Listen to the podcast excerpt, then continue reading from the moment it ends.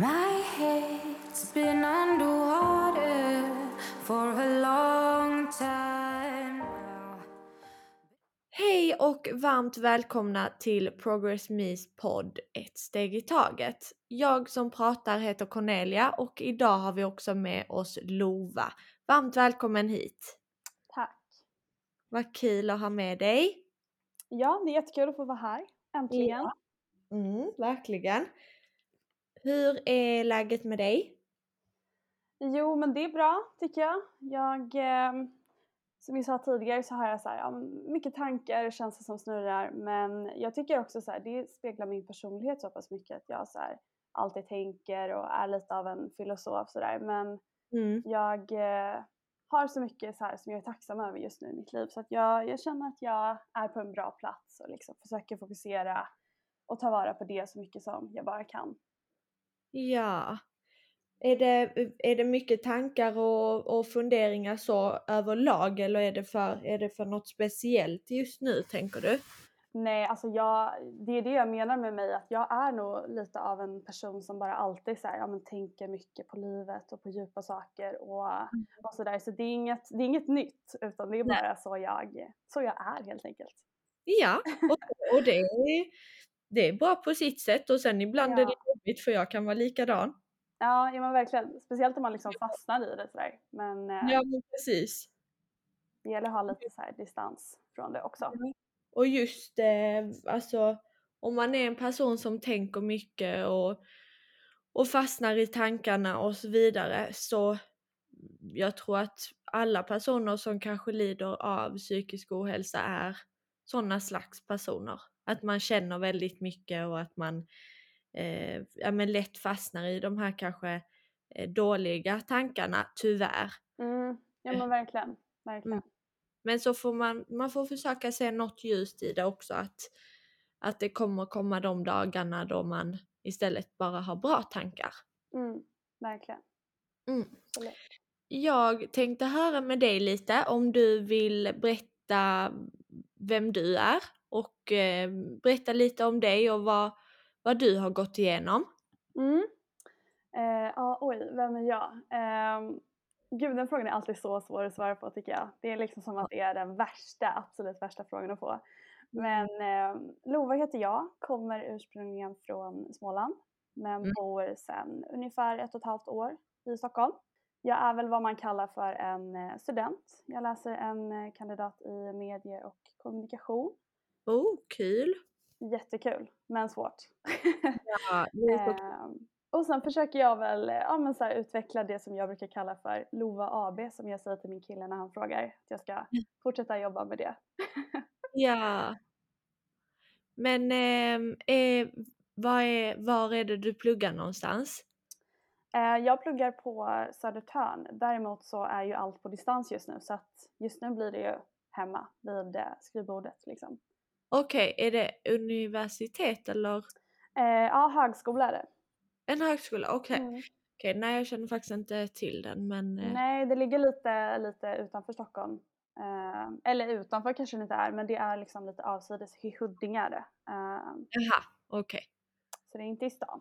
Nej, men vad skoj. Eh, lite vad du har gått igenom och vad du har för eh, koppling till en ätstörning. Ja, eh, det där är så himla så här, ja, men komplext för det är så, så otroligt många faktorer som jag skulle säga spelar in och spelar roll. Men eh, jag hade ju då anorexi som sen också blev eh, ortorexi och det tog fart under sommaren 2018. Jag eh, minns att jag började så här förändra mina vanor, experimentera med maten på ny nivå och att jag sen efter sommaren när jag skulle börja sista året på gymnasiet, då hade jag rasat väldigt mycket i vikt. Och det Mm. var ju någonting som jag fick otroligt mycket uppmärksamhet kring av, av lärare, av klasskamrater, rektorer, alla möjliga liksom som påpekade att jag hade gått ner i vikt och var oroliga för mig, frågade hur jag mådde medan jag så här total förnekade precis allt liksom. Ryckte på axlarna, sa att det var toppen, låtsades som ingenting. Mm. Eh, och därefter så gick det bara utför. Okej. Och eh, detta var 2018. Mm, precis. Mm, och så idag, hur gammal är du idag? 20? Jag är 20. 20? Jag fyller 21 i, i höst, men jag är ganska nybliven 20-åring. Ja. ja, är 00 eller? precis. precis. Ja. Ehm, så då började det för dig ungefär när du var 18? Ja, eller 17 eftersom jag fyllde år så sent så, så började det väl då. Men däremot, alltså så här, grejen med mig är ju att jag skulle säga att jag så här, i efterhand så har jag nog alltid haft ett väldigt osunt förhållande till mat och kroppen. För att när jag tänker efter så har liksom mitt fokus inte legat på prestationen i sig utan alltid på hur min kropp ser ut. Jag har liksom alltid Mm. tränat och ätit för att vilja förändra mig själv, för att jag inte tycker om det jag sett i spegeln eller känt mig nöjd. Mm. Istället för att liksom, ja men träna eller äta för att orka träna har jag liksom tränat för att kunna äta vilket är helt fel fokus. Precis. Och det där med att liksom glädjen ska uppstå när man tränar och inte efter man har tränat. Mm. Eh, och jag minns att jag liksom säkert vid nio års ålder ungefär redan då liksom bara som ett litet barn hade väldigt mycket kroppskomplex och ja, men så här, pekade ut delar av min kropp som jag inte tyckte om, som jag var missnöjd med och på så vis också började liksom hitta de här felen på min kropp. Mm. Eh, och jag strävade alltid på något sätt efter den här illusionen som samhället hade målat upp för mig och trodde att mitt värde på något sätt låg i hur min kropp ser ut. Att jag skulle bli lyckligare eller mer omtyckt, älskad om jag var lite, lite smalare. Ehm, så det var liksom hela tiden ett fokus på allt som jag inte tyckte om med mig själv och jag tog hela tiden de här basala funktionerna för givet snarare än att faktiskt ja, men tänka på allt fantastiskt som min kropp gör för mig och vad orelevant det är hur jag ser ut eftersom att vi inte är här för att behaga andra eller göra uppoffringar för att vi ska passa in i någon slags mall utan att vi är här för att leva våra liv. Så ätstörda tankar och så här, dålig självkänsla det har jag liksom alltid tyvärr haft med mig på något sätt. Men det var 2018 som det liksom verkligen, som jag verkligen blev sjuk liksom. Ehm, Mm. Som det tog över lite, lite väl för mycket. ja, verkligen. Mm. verkligen.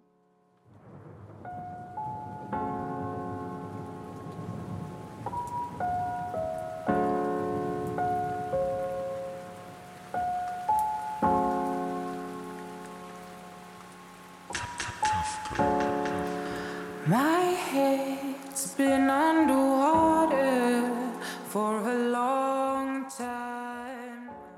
Men eh, det tror jag många kan känna igen sig i och att tyvärr är det väldigt många som är fast i just det här att hur man ser på sin kropp och Mm. att man eh, kanske inte har en så bra självkänsla och att man gärna vill förändra det här och det här och att man eh, kopplar eh, träning eh, eller att man har en ganska osund relation till både mat och träning. Till exempel då som du säger att man tränar för att man ska få äta det här och inte Mm.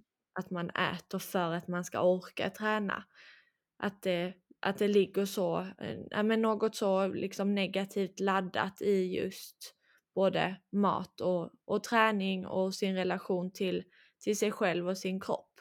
Ja, det är nästan som att det är liksom en, en samhällsnorm att så här, alla har på något sätt ett, en dålig relation till liksom kroppen, mat, träning. För att alla Mm. har på något sätt, liksom, eller får då och då liksom de här tankarna på ehm, ja, men då vad man inte ska göra och vad man ska göra eller får dåligt samvete eller vill kompensera och sådana saker.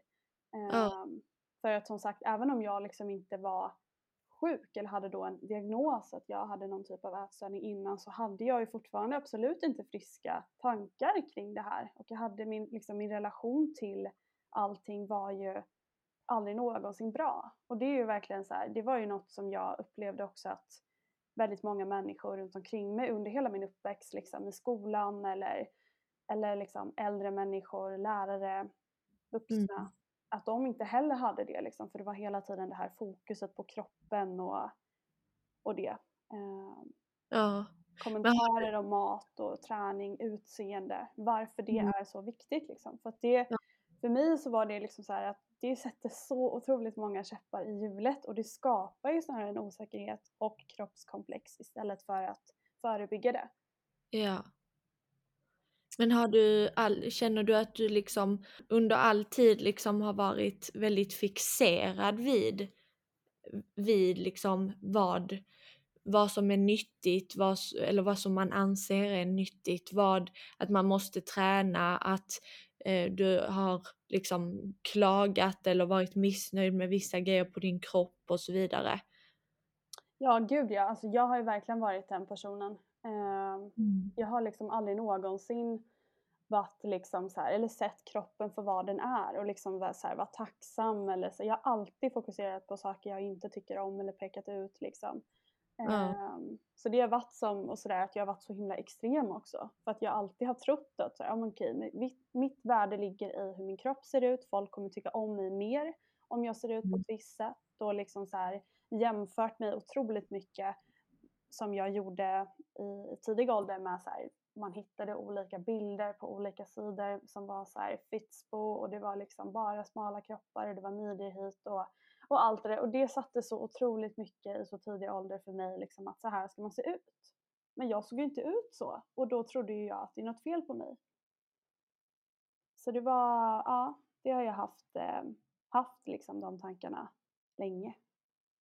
Ja, jag förstår helt för att jag, jag var, har faktiskt själv varit eh, väldigt, väldigt lik, eh, vad säger man, liksinnig i det, i det liksom att jag har också alltid varit väldigt, ja men väldigt fixerad vid hur, hur saker ska och inte ska se ut på mig själv. Och Mm. så har jag liksom då jämfört mig väldigt mycket med andra, både liksom via då, ja men bilder som man sett och eh, ja men kompisar och eh, äldre personer och yngre personer och liksom allting runt omkring mig som har blivit ett sånt eh, ja, negativt liksom intryck på mig för att jag har jämfört mig med verkligen allt och, och alla. Mm. Eh, och liksom tänkt att nej men på henne är det fint med de här låren men på mig är det inte det. Eller på mig är det fint eh, eller fult med eh, att ha ja, långa armar men på henne är det jättefint för att då ser hon mycket smalare ut till exempel. Mm. Eh, men hur är din relation till din kropp idag och hur ser du på dig själv idag? Eh, ja, men idag, jag känner mig väldigt mycket så här, tryggare, säkrare i min kropp. Även om jag såklart så här, jag har långt kvar innan jag har kommit dit att jag kan acceptera mig, mig själv i min kropp fullt ut. Jag har liksom, på något sätt har jag nog slutat sträva efter att så här, jag kommer älska mig själv. Utan jag har mer insett att så här, jag behöver inte tänka att jag ska älska mig själv från topp till tå. Men jag kan lära mig att acceptera mig och kroppen för vad den är. Och jag behöver liksom inte älska alla delar men jag kan lära mig att acceptera dem. Eh, och sen är det ju sådär, alltså, precis som alla, vilket är helt naturligt, att här, jag har bra dagar, jag har dåliga dagar, jag är bara människa. Eh, men jag kan alltid så här, att jag försöker alltid påminna mig om mitt varför och vad har jag lärt mig. Att mitt värde inte sitter i hur min kropp ser ut, att min kropp inte är till för att den ska se ut på ett visst sätt utan den är till för att så här, ja, men ta mig dit jag vill genom livet. Att jag inte är min kropp, vilket också är så otroligt lätt att tro, eller så har jag liksom alltid tänkt att så här, min kropp det är, det är det enda jag är liksom. Men att det bara är jag, Lova, i en kropp. Så jag försöker liksom fokusera mer på vad min kropp faktiskt ger mig snarare än att den ska se ut på ett visst sätt. Mm. Ehm, ja. Det, det tycker jag verkligen låter jättebra, just det här med att acceptera, att man accepterar men att man behöver inte liksom älska det inifrån och ut utan mer att man accepterar att så är det faktiskt. Mm. Eh, För att jag, jag vet själv att jag har varit i Nej men jag har haft perioder då jag har varit väldigt, väldigt kritisk mot mig själv och jag har känt att ja, men jag ska göra om det här och det här och det här och om jag blir, eh, går ner så här mycket så kommer jag liksom älskas mer av alla runt omkring mig men det är ju verkligen inte så. Nej, Och- verkligen inte. Nej, och jag vet att jag har sagt det innan men eh, det var en kompis till mig som eh, sa en gång att 20 kilo tyngre men 20 kilo lättare. Ja. Eh, och jag håller med så himla mycket i just den, eh, vad ska man säga, kvoten eller vad man ska säga. Mm. Eh, att det är, så, det är så lätt att tänka att ju smalare jag blir desto, desto lyckligare kommer jag bli. För det är ju där, det är ju där i det sitter. Man tänker ju att smal eller eh, liten liksom kommer vara så är, är så mycket bättre. Allt fokus ligger ju på det här att man vill vara smal. Mm. Och det är så farligt för att man mår så mycket sämre för man kommer inte inse hur smal man är utan när man är som smalast kommer man också känna sig som störst. Gud ja, alltså min, hela min liksom den här strävan och det jag trodde liksom att så här, ja, men beroende på hur min kropp ser ut så kommer jag bli lyckligare och hela den biten. Alltså det gjorde ju mig bara olyckligare. Alltså det var ju raka motsatsen. Det jag trodde skulle göra mig som, som lyckligast och, och mest värdefull, det var ju det som liksom fick mig att falla totalt Ja. liksom, istället. Det tog ju bort precis allt från mig. Min personlighet, alltså funktioner i min kropp som liksom att organ funkar och mina relationer med vänner, med skolan. Alltså det, det var ju liksom, det blev ju snarare raka, precis raka motsatsen. Att det var ingenting i livet som längre funkade liksom. Och det fanns Mm. ingenting annat kvar än sjukdomen. Mm. Ehm, Och det, alltså jag, jag vet själv liksom hur, hur det är och också som du säger att man har liksom man har ingenting kvar förutom sjukdomen. Man, man, har, man är så olycklig, känner ju sig som minst lyckligast mm, när man kanske egentligen har nått ett, ett mål som man har strävat efter. Men när man väl har nått det målet så är man inte nöjd. Och det är ju nej, för nej. att det målet är egentligen helt ja, oväsentligt liksom. Mm. Det är ju inte ett normalt mål förmodligen. Nej, verkligen inte. Och det är det jag menar med att så här, jag, nej men jag kommer kanske inte liksom sträva efter att älska mig själv, men alltså, för då blir det liksom ett krav. Då blir det ett krav, eh, precis som det tidigare var liksom krav att så här, nu måste du älska dig själv. Ja, Utan att så här, ja, men jag kan acceptera liksom att så här ser jag ut och min kropp kommer förändras hela mm, livet liksom. Och det är okej. Ja. Det, är, det är så okej att den gör det. För det är naturligt och det gör den för precis alla. ja. Så är det verkligen för, för alla. Att den kommer förändras och jag tror att man måste lära sig att acceptera det. Mm, Man måste inte älska det men man måste lära sig att acceptera det. mm, Att acceptera att ens kropp är ens kropp. Och att den är byggd som den är. Och att man är som man är. Ja, alltså när jag förstod det, liksom, bara det här med att jag har liksom Ja, men man har varit missnöjd med olika delar av sin kropp. Så. Sen när man liksom så förstår att ja, men just det, jag är ju byggd på ett visst sätt. Jag har liksom, liksom att mitt, mitt skelett är format på ett visst sätt. Jag kan inte få, liksom, eller jag kan inte se ut på liksom, ett sätt som jag kanske vill för att så här, jag kan inte ändra mitt skelett. Alltså så här, sådana saker som jag liksom inte förstod då. Att jag trodde att jag kunde träna eller äta mig till en, en viss kroppstyp. Men det kan Mm. jag inte alls göra för att jag är, liksom, jag är byggd på mitt sätt. Ja. Och det är alla har liksom sitt, sitt egna. Mm. Ehm, och det var också någonting som jag fick så här, ja, men väldigt mycket insikt för att så här, herregud, du är liksom, det är skelett Lova, du kan inte förändra på hur du är byggd och hur du är skapad liksom. Mm. Jo men så är det. Men vad, eh, vad var det som hjälpte dig kring att bli frisk? Var det något speciellt eller var det ett visst tänk eller hur tog du hjälp? Alltså i mitt fall så var det så att jag hade ju, jag är väldigt, väldigt envis och i den här, liksom, eller jag tror att så här, ätstörningar generellt så har man ju, alltså det, det tillhör nästan att så här, man, har, man är väldigt envis liksom, kring sitt beteende liksom, och har en väldigt stark vilja. Liksom. Eh, Mm. Och jag var, jag ville ju inte ha någon hjälp, alltså så, utan jag ville så här, Och det hade nog väldigt mycket att göra med mitt så kontrollbehov, att jag liksom inte kände att shit, ska någon ta makten över mig här nu? Det går ju inte liksom. Då fick ju jag panik. Men Mm. att jag på något sätt så hade jag, jag hade gått till den gränsen eh, eftersom att jag hade anorexi och blev så pass undernärd så att saker började sluta fungera i min kropp. Att jag så här, då kände jag bara, men, men vad har jag gjort med mig själv? Vad har jag gjort med mitt liv? Liksom? Det fanns ju ingenting som var lova kvar. Och Mm. då, så, då var det som att det så här, tändes en klocka i mig att men det är inte så här jag vill leva. Herregud, jag har ju så mycket så här, drömmar, visioner, saker jag vill göra med mitt liv. Så att på något sätt så den där insikten den kom liksom. Ehm, och den kom nog för att jag förstod att så här, kommer jag inte förändra någonting här nu så, så kommer jag liksom inte leva längre. För att jag, Ja. jag fick träffa en läkare som, som sa det till mig att eh, om, om inte du bryter det här mönstret nu så kommer inte ditt hjärta orka slå. Liksom.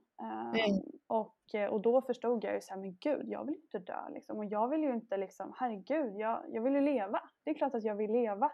Och då Mm. var det som att det var någon sån här slags uppenbarelse för mig att, att så här, du måste förändra det här. Och jag tog aldrig någon professionell hjälp men jag, eh, jag gjorde det på egen hand så att säga. Eh, Mm. Vilket jag också, jag vet att jag har skrivit ett, ett inlägg eh, på eran blogg om det här. Precis. Och eh, nej, jag, jag gjorde det verkligen själv.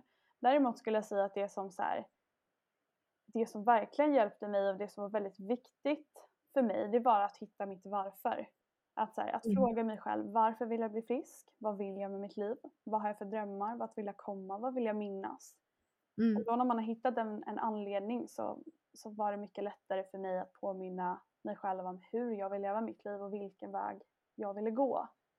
Ja. Um, för någonstans så tror jag att det handlar så mycket om så här också hur man bemöter någon som är sjuk. Alltså så här, vad säger man och framförallt hur säger man det? Så jag tror att genom att säga till någon så här, ja men gör på ett visst sätt, tala om vad den måste göra, alltså ät så här eller tänk så här, då blir det liksom då blir det det här kravet snarare än en, en hjälp. Och jag vet Ja. att jag hämtade väldigt mycket inspiration ur Mikaela Urboms bok. Mm. Eh, att istället så här, säga till den som är drabbad då att välja den vägen som den själv vill. Men därefter fråga liksom att den vägen som du är på nu, vad ger den dig? Gör den Mm. dig lycklig? Är det så du vill leva? Liksom? Stämmer den överens med ditt varför? Finns det någon skillnad mellan, ja, men mellan ditt mål och vad du är idag och hur tänker du kring det? Mm. Eh, Så att liksom så här, fråga sig själv, reflektera och sätta ord på alla tank- tankar och känslor. Det var, det var väldigt, väldigt viktigt för mig. För då kunde jag hela tiden så här, återgå till mitt varför. Ehm, vad vill jag med mitt liv? Liksom? Men just det, jag vill ju det här. Och då hade Mm. jag liksom också någonting att sträva efter. Mm. Och jag förstår. Ja, vi har ju haft med Mikaela också i podden i ett avsnitt. Mm. Jag, jag har lyssnat på det, jag tyckte om det jättemycket. Ja, jo, hon är så fin och har också gått igenom något väldigt tufft ju. Mm. Så jag förstår verkligen att du har eh, hämtat inspiration, nej men att du blev, att du hämtade mycket liksom, ja men inspiration kan man väl säga. Ja, det tycker jag är jättebra. Jag tycker det är rätt ord. Från att, eh, till att bli frisk, mm, hennes bok. Verkligen. Jag tror att eh, det är många som kämpar och försöker att bli friska på egen hand och jag, jag är absolut inte emot det för jag själv blev helt frisk i mig själv Mm. och av mig själv. Jag, eh, jag ville inte vara sjuk och jag insåg nog det från första dagarna jag blev sjuk. Att jag, jag ska inte vara sjuk, jag vill inte vara sjuk men att ha bulimi blev ett beroende för, för mig Mm. och de här ångesttankarna kring att äta och inte träna och eh, inte kunna ha liksom kontrollen över exakt vad jag åt. Det, det var fruktansvärt och det skapade en sån pass stor ångest att jag inte kunde liksom motstå att kompensera. Mm. Men varje gång det hände så visste jag att det här var inte jag, det här vill inte jag. Eh, så jag kämpade väldigt, väldigt länge för att bli frisk och jag tror att ja, hade jag tagit hjälp med det tidigare så hade jag säkert kunnat bli frisk från det eh, tidigare också och tagit mig ur. Jag led av bulimi under flera, flera år. Mm. Eh, och det var väldigt osynligt eller vad man ska säga. Det var inte riktigt något som märktes så mycket utanpå men desto sjukare var jag liksom inuti. Ja för jag- så är det ju också att det är, så här, det, det, det är väldigt vanligt att så här, det är, en ätstörning behöver, det ser du oftast inte på en person liksom att, att den har. Precis. Och då blir det också extra påtagligt. Jag blev ju alltid liksom en, en person som drog åt sig uppmärksamhet. Liksom. Folk iakttog mig, de såg mig och det är klart att de då också liksom, eh, Mm. ryckte tag i mig och så här, blev oroliga. Bara, men gud, vad är det som har hänt? Ja, Men jag kan tänka mig att det är så otroligt liksom, svårt när man inte när det inte syns kroppsligt liksom, eftersom att det är en, en psykisk sjukdom. Liksom. ja men det är det ju verkligen eftersom att samtidigt som min största rädsla var att jag skulle bli påkommen Mm. så var min största dröm också nästan kan man säga. Att bli sedd liksom. Att bli sedd och att någon skulle komma på mig för jag ville ju inte vara sjuk, jag ville bli frisk. Mm. Jag ropade ju liksom på hjälp utan att få något svar. Mm. Eh, och jag, rå, jag råder ingen att man ska att man inte ska ta hjälp för jag tycker det är jätteviktigt att ta hjälp Mm. för sin ätstörning redan i ett tidigt skede och även om man eller också om man ser en person eller märker ett visst beteende på en person att försöka hjälpa personen eller vända sig till någon som man tror kan hjälpa personen Mm. eh, tror jag är jätteviktigt. Ja, alltså det är ju någonting som jag verkligen ångrar. Liksom. Jag hade alla dagar i veckan, liksom, om jag hade fått göra om den grejen så hade jag Mm. verkligen, verkligen velat ta hjälpen som jag Mm. faktiskt blev erbjuden men inte tog för att jag var så liksom fast och bestämd i att jag skulle minsann göra det här själv. Liksom. Kan själv. Ja. det var liksom min... Men det, Mm. det är verkligen så här, det, det är något jag verkligen ångrar idag. Att jag, att jag, Ja. inte, att jag inte tog den hjälpen liksom. Men det handlar ju också om att eh, man, precis som du säger, det är nog väldigt många som är envisa i en sån här situation att man ska klara det på egen hand. Mm. det är också, handlar också om att man har kommit till det stadiet då man är så pass sjuk att man, man är ju rädd att någon ska gå, gå för hårt på för att en största rädsla ligger ju i Även fast man kanske vill bli frisk så ligger en största rädsla fortfarande i att man ska gå upp i vikt. Och alla personer runt omkring en som vill hjälpa en ser man ju nästan som fiender. Att när de vill bara att jag ska gå upp i vikt och de kommer lura mig och de kommer säga att jag ska äta det här och det här och det här och man har nog inte riktigt accepterat det än. Nej. Och jag tror att det är många som tackar nej till hjälp för att de har för mycket kontrollbehov för att en ätstörning handlar om kontrollbehov. Mm. Får du hjälp med din ätstörning så kommer du inte kunna kontrollera över om du ska äta en macka med så här mycket smör, så här Mm. mycket ost, så här mycket skinka på. Du kommer inte kunna välja att äta en banan istället för två mackor. Eller du Mm. kommer inte kunna välja att gå ut och gå direkt efter att du har ätit eller liknande. Nej, Och- det var ju min största rädsla, liksom, att lämna över det ansvaret till en annan. Liksom. Det var ju Precis. precis det som hela sjukdomen gick ut på, att det var jag som hade kontroll. Det var jag Ja. som liksom kunde bestämma och göra precis som jag ville, när jag ville. Och Ja. allt kretsade ju bara kring det. Så att liksom ge det till någon annan, det var ju min, min största rädsla. Liksom. Mm. Och jag tror det är många som inte är redo för det när de liksom tar sig in i proceduren att någon ska börja hjälpa dem för det är jätteläskigt. Det är Mm. jättesvårt. Det är jättetufft för psyket liksom att hantera att gå från att själv ha kunnat bestämma exakt hur lite man ska äta eller om man inte ska äta någonting alls eller hur mycket man ska äta.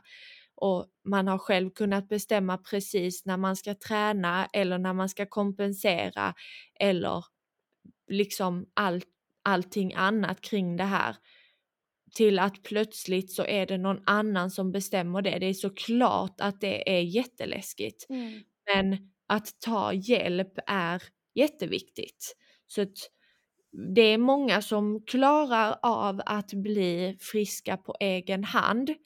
Eh, till exempel Ebba och Beatrice som Mm. var med i förra avsnittet, eller förrförra. Eh, de blev friska på egen hand till exempel. Mm. Ehm, och även jag och då du också. Eh, men jag tror att, eller bara för att vi har blivit det så betyder inte det att, att alla kan det liksom. För att det krävs väldigt, väldigt mycket och väldigt, väldigt mycket, men som du säger att man ska vara väldigt envis och i mitt fall var det att ja, jag var väldigt envis men framförallt var det att jag insåg hur mycket jag hur mycket jag förlorade på att vara sjuk. Jag ville inte vara sjuk. Jag, till slut så kom jag liksom, jag kom till den punkten då jag insåg att i mitt huvud så, så, så tänkte jag att vara smal är det enda jag vill. Men om jag istället lyssnade på mig själv, på den riktiga jag, så var det liksom sist på listan för att jag Det var ju missade sjukdomen som ville att du skulle bli någonting som, men in, inte du som din person liksom. Eller Så var det för Precis. mig i alla fall att så här, till slut så var det bara liksom så här, jag vet att jag pratade med min mamma om det liksom när jag var sjuk att så här, eh, det finns ju vad Lova vill och så finns det vad sjukdomen vill liksom och sjukdomen vill just nu precis allt liksom att jag ja, men kontrollerar mig och liksom äga mig medan Lova liksom vill kunna välja och göra själv men hon kan inte Mm. det för att sjukdomen har liksom övertaget över henne. Ehm, och det är hemskt. Ja men det är det verkligen. Har du några speciella tips som du bland annat kanske använde dig av när du eh, var i din tillfrisknadsperiod som du vill dela med dig av? Eh, ja, men dels, alltså, så här, för mig var det väldigt viktigt också att eh, ja, men, så här, peppa mig själv, så här, skriva bra saker om mig själv, saker som jag gillar med mig själv, saker jag är stolt över, tacksam över. Alltså så här, att skriva, återigen så här, reflektera, skriva lappar till sig själv. Det kanske låter så här väldigt, ja, men nästan lite löjligt, för då ska jag skriva lappar så här, att jag är vacker, att jag är fin och, och så. Men för mig var det faktiskt väldigt, väldigt bra att göra liksom. För att då fick jag på något sätt så här, jag fick skriva det liksom och tänka det i huvudet och sen så fick jag se det, jag fick läsa det och jag försökte läsa det ganska många gånger liksom och gör fortfarande att jag kan ha så här, ja men att jag skriver lite så här saker jag är tacksam över i livet just nu och reflekterar över det och också att jag skriver liksom och fokuserar på allt jag eh, tycker om med mig själv. För att det är ju ofta så svårt att liksom så här att tänka på de positiva sakerna. Man drar sig ofta till de negativa sakerna och fokuserar på dem. Men när jag istället började bryta det mönstret och tänka på allt positivt, att jag bara liksom kan gå och röra och springa mig, att jag kan andas, jag ser, jag har liksom ben och armar, alltså alla sådana saker. Då blev alla de där negativa sakerna, de, de blev så oväsentliga när jag fick perspektiv till det. Så att liksom att så här, Mm skriva ner saker om sig själv som man är tacksam över eller tycker om och säga dem varje dag. Det var, det var viktigt för mig. Att, eh, att liksom så prata med sig själv som man pratar till andra. För vi går ju inte runt så här och säger till personer vi möter eller våra vänner så att, att de inte är vackra och typ ger dem skit. Så varför ska vi liksom göra det till oss själva? Ja. Jo men så är det verkligen och jag tror det är en jättebra eller ett jättebra sätt att göra att skriva ner jag skulle också säga så här, ett annat eh, sak, eller en annan sak som jag pratade lite om Mm. förut, det var liksom så här att, ja men som hjälpte mig då, det var att återgå till mitt varför. Liksom. Tänk på det där, tänk på den drömmen eller den anledningen. Och så här, fråga dig själv om du gör något aktivt för att uppnå den. Eller finns det Mm. någonting som hindrar dig? Och tror du att du Mm. kommer nå den? Har du en plan? Har du verktyg? Och liksom Mm. så här, att, att hela tiden så här, just det, vad är det jag vill? Så att man liksom inte kommer ur, eh, ur banan liksom, eller vad man ska säga. Så att man inte Ja. låter då sjukdomen äga över sig själv utan att man låter faktiskt, att man äger över sjukdomen istället liksom. Ja men precis för att jag för mig var nog det viktigaste att jag hela tiden tänkte på eh, varje gång jag liksom kanske tackade nej till att göra någonting för att jag kände att nej men jag är inte värd att följa med på den här brunchen eller jag är inte värd att eh, följa med ut och, och festa idag för att jag kommer, ja, min kropp kommer inte må bra av det liksom. Mm. Varje gång jag tackade nej till något sånt så tänkte jag efter att detta är precis vad jag inte vill göra. Egentligen ville jag ju verkligen tacka ja. Mm. Och så jag tänkte väldigt ofta på vad jag gick miste om. Vad min ätstörning tog ifrån mig. Vad det var liksom som men skilde sig åt ett normalt liv för att jag tyckte inte alls att jag levde ett så pass bra eller normalt liv som jag hade kunnat göra om jag inte hade ätstörningen. Mm. Och sen att få en ätstörning såklart är det inget man kan, man kan hjälpa. Nej. Men kan man få hjälp för det och man vill bli frisk från det så ta, ta den möjligheten för det är så mycket skönare att vara frisk. Alltså när man väl kommer till stadiet när man känner sig frisk så kommer man verkligen inse att men gud, jag kan liksom sitta här på denna restaurangen, ha skitkul med mina kompisar utan att ha en endaste negativ tanke om min kropp just nu. Mm. Händer detta liksom? Och att inte Liksom- vara så uppslukad av liksom mat, kroppen, träning utan att faktiskt kunna vara närvarande. Jag vet Ja. att- jag liksom var så här, gud jag kan umgås med människor, jag ser människor, jag Ja. hör vad de säger och jag lyssnar faktiskt på dem. För när jag var sjuk då levde jag liksom bara i min bubbla och omvärlden den, den stängdes liksom av. Mm. Och det var så här, gud vad befriande, herregud det finns ju faktiskt ett liv som Ja. jag just nu kanske, eller om man då är sjuk, inte lever. Men det, det finns ju och jag kan ju faktiskt leva det liksom. Bara jag Ja. blir fri från den här sjukdomen. Precis. Been praying to the Father for a long time now. I've been falling way too deep for a long time now. Think I've tried to set me free for a long time now. I know, I know, I know. Jag tänkte fråga vad du skulle anse vad är den största skillnaden Mm. mellan liksom ditt, med hur du är idag jämfört med hur du var när du var sjuk. Om du liksom skulle, finns det kanske en specifik grej som du verkligen känner att men det här är så mycket bättre nu än när jag var sjuk. Ja men alltså jag skulle säga allt egentligen. Alltså så här, bara den här grejen om att så här, ja, men jag har ett liv igen. Jag har en kropp, Mm. jag har drömmar, jag kan skratta. Jag har organ som funkar, jag har en kropp som tar mig framåt. Ja. Ehm, för när jag var sjuk då var det liksom så, det, det bara kretsade kring mat och träning. Det var bara ångest liksom. Vad får jag äta, vad får jag inte äta, hur ska jag träna och hur ska jag straffa mig själv om jag inte har gjort det.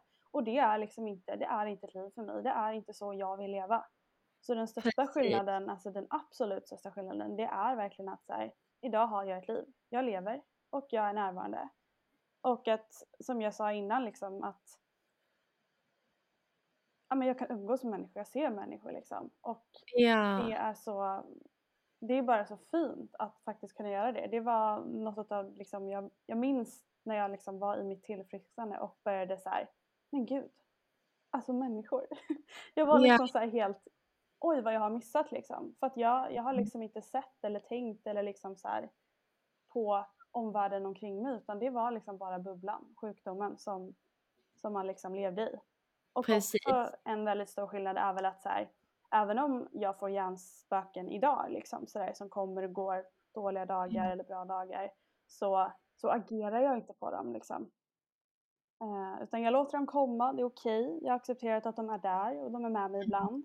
Men jag Mm. gör liksom inte vad de säger åt mig, jag agerar inte på dem. Eftersom att jag vet liksom så här, jag vet att jag inte mår bra av dem så jag låter inte dem vinna. Men jag låter dem finnas. Men inte att de liksom ska ta kontroll över mig. Ja. Nej, jag- jag och Ebba och Beatrice, vi pratade mycket om just det Mm. med hjärnspöken. Att ehm, man låter dem finnas där nu, men man låter inte dem vinna, man låter inte dem ta över så som de gjorde när man faktiskt var sjuk. Nej. Då var man ju verkligen men, nästan som en slav till sina, till sina hjärnspöken. Mm. De liksom sa, sa till en precis vad man fick och inte fick. Ja, verkligen. Eh, och jag tror också att det är viktigt så här, att, att, att umgås med friska människor. Eller så här, umgås med människor som, som så här, man mår bra av. Ja, Ehm, för det var också någonting, så här, då, då förstod jag ju på något sätt att så här, det, är, det är liksom verkligen inte viktigt hur min kropp ser ut och liksom alla de här tankarna jag har. Det är, liksom, det är osunt så som jag fungerar just nu och vad jag tänker och vad jag känner. Men mm. att, så här, att få vara med människor som, som mår bra, som gör mig glad, då insåg jag liksom vad som faktiskt är viktigt i livet och vad jag liksom vill. Precis. Ehm, och det var också väldigt, väldigt viktigt i mitt eh, tillfrisknande. Ja, och det, alltså just den eh, biten med att umgås med folk som själva också är väldigt friska och när man själv inte är det. Eh, det är jätteviktigt, Mm. men i vissa fall så är det ju väldigt svårt och väldigt något som man egentligen inte kan hjälpa. Jag vet att det finns kompisar där det är alltså inom liksom kompiskretsen så är det kanske två eller tre personer som lider av en ätstörning Mm. och att det blir så mycket fixeringar, jämförelser, eh, triggers, allt det här för att till exempel jag och Petronella som då är grundare för Progress Me, Mm. eh, vi är ju systrar Precis. och eh, vi båda hade en ätstörning och vi var väldigt, nej men idag är vi som, alltså vi sitter ihop liksom idag. Mm. Men-. Ja, men då var det, det var inte vår bästa period kan jag säga. Nej, Vi var inte, vi var inte bra för varandra. nej. Vi var Triggade jätte, varandra liksom. ja Mm. och att man triggade den andra utan att man kanske egentligen ville det. Ja.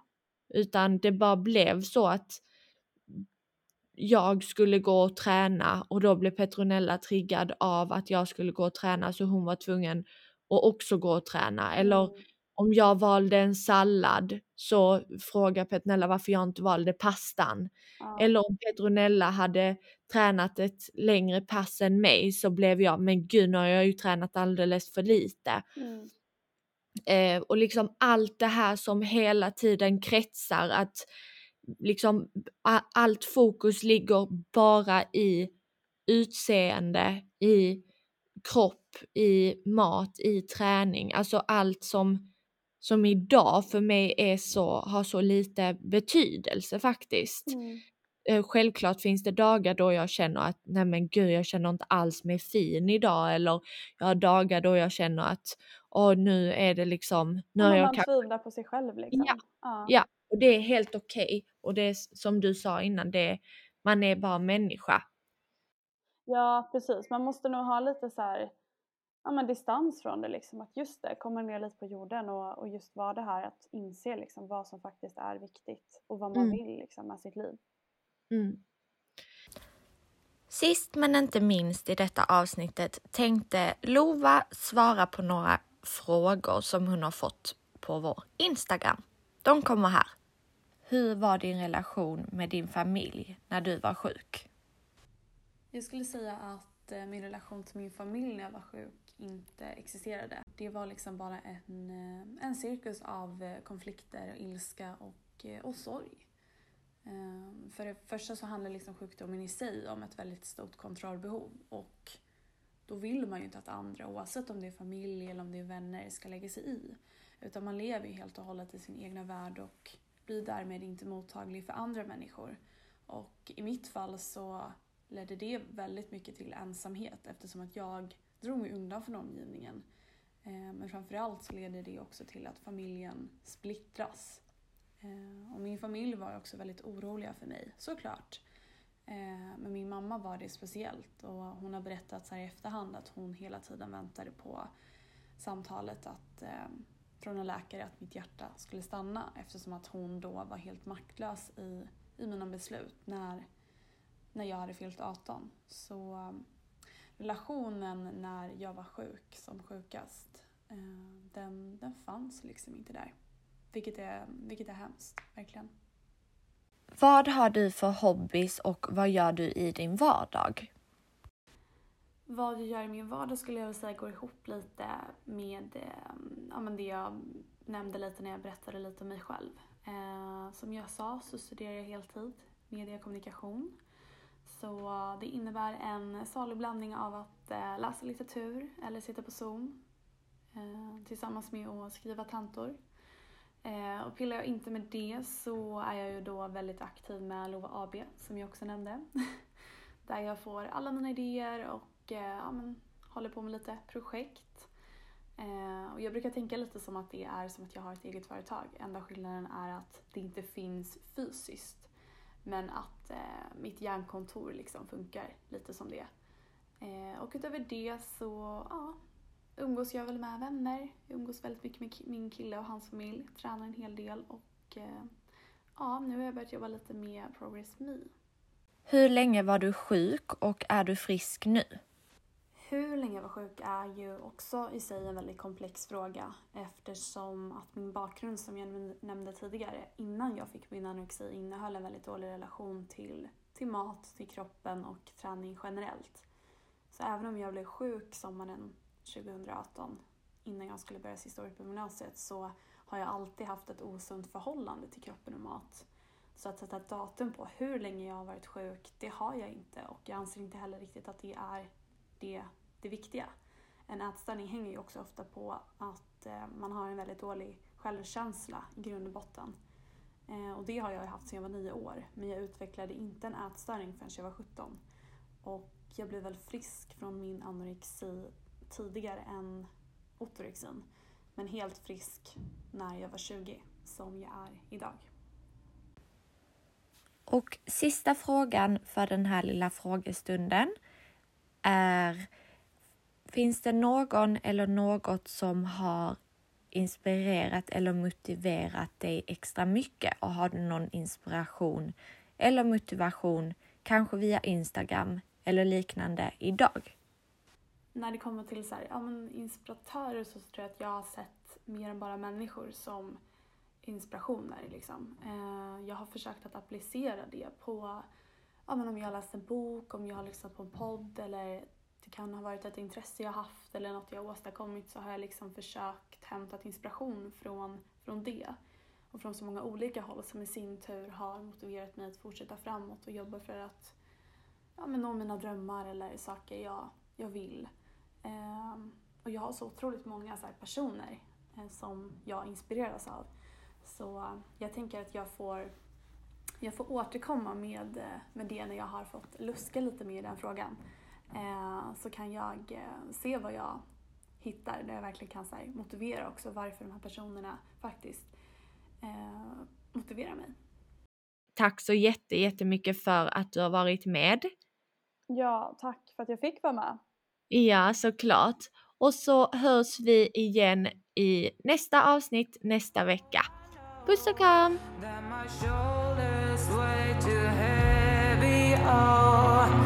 I know, I know, I know that there is no wings that will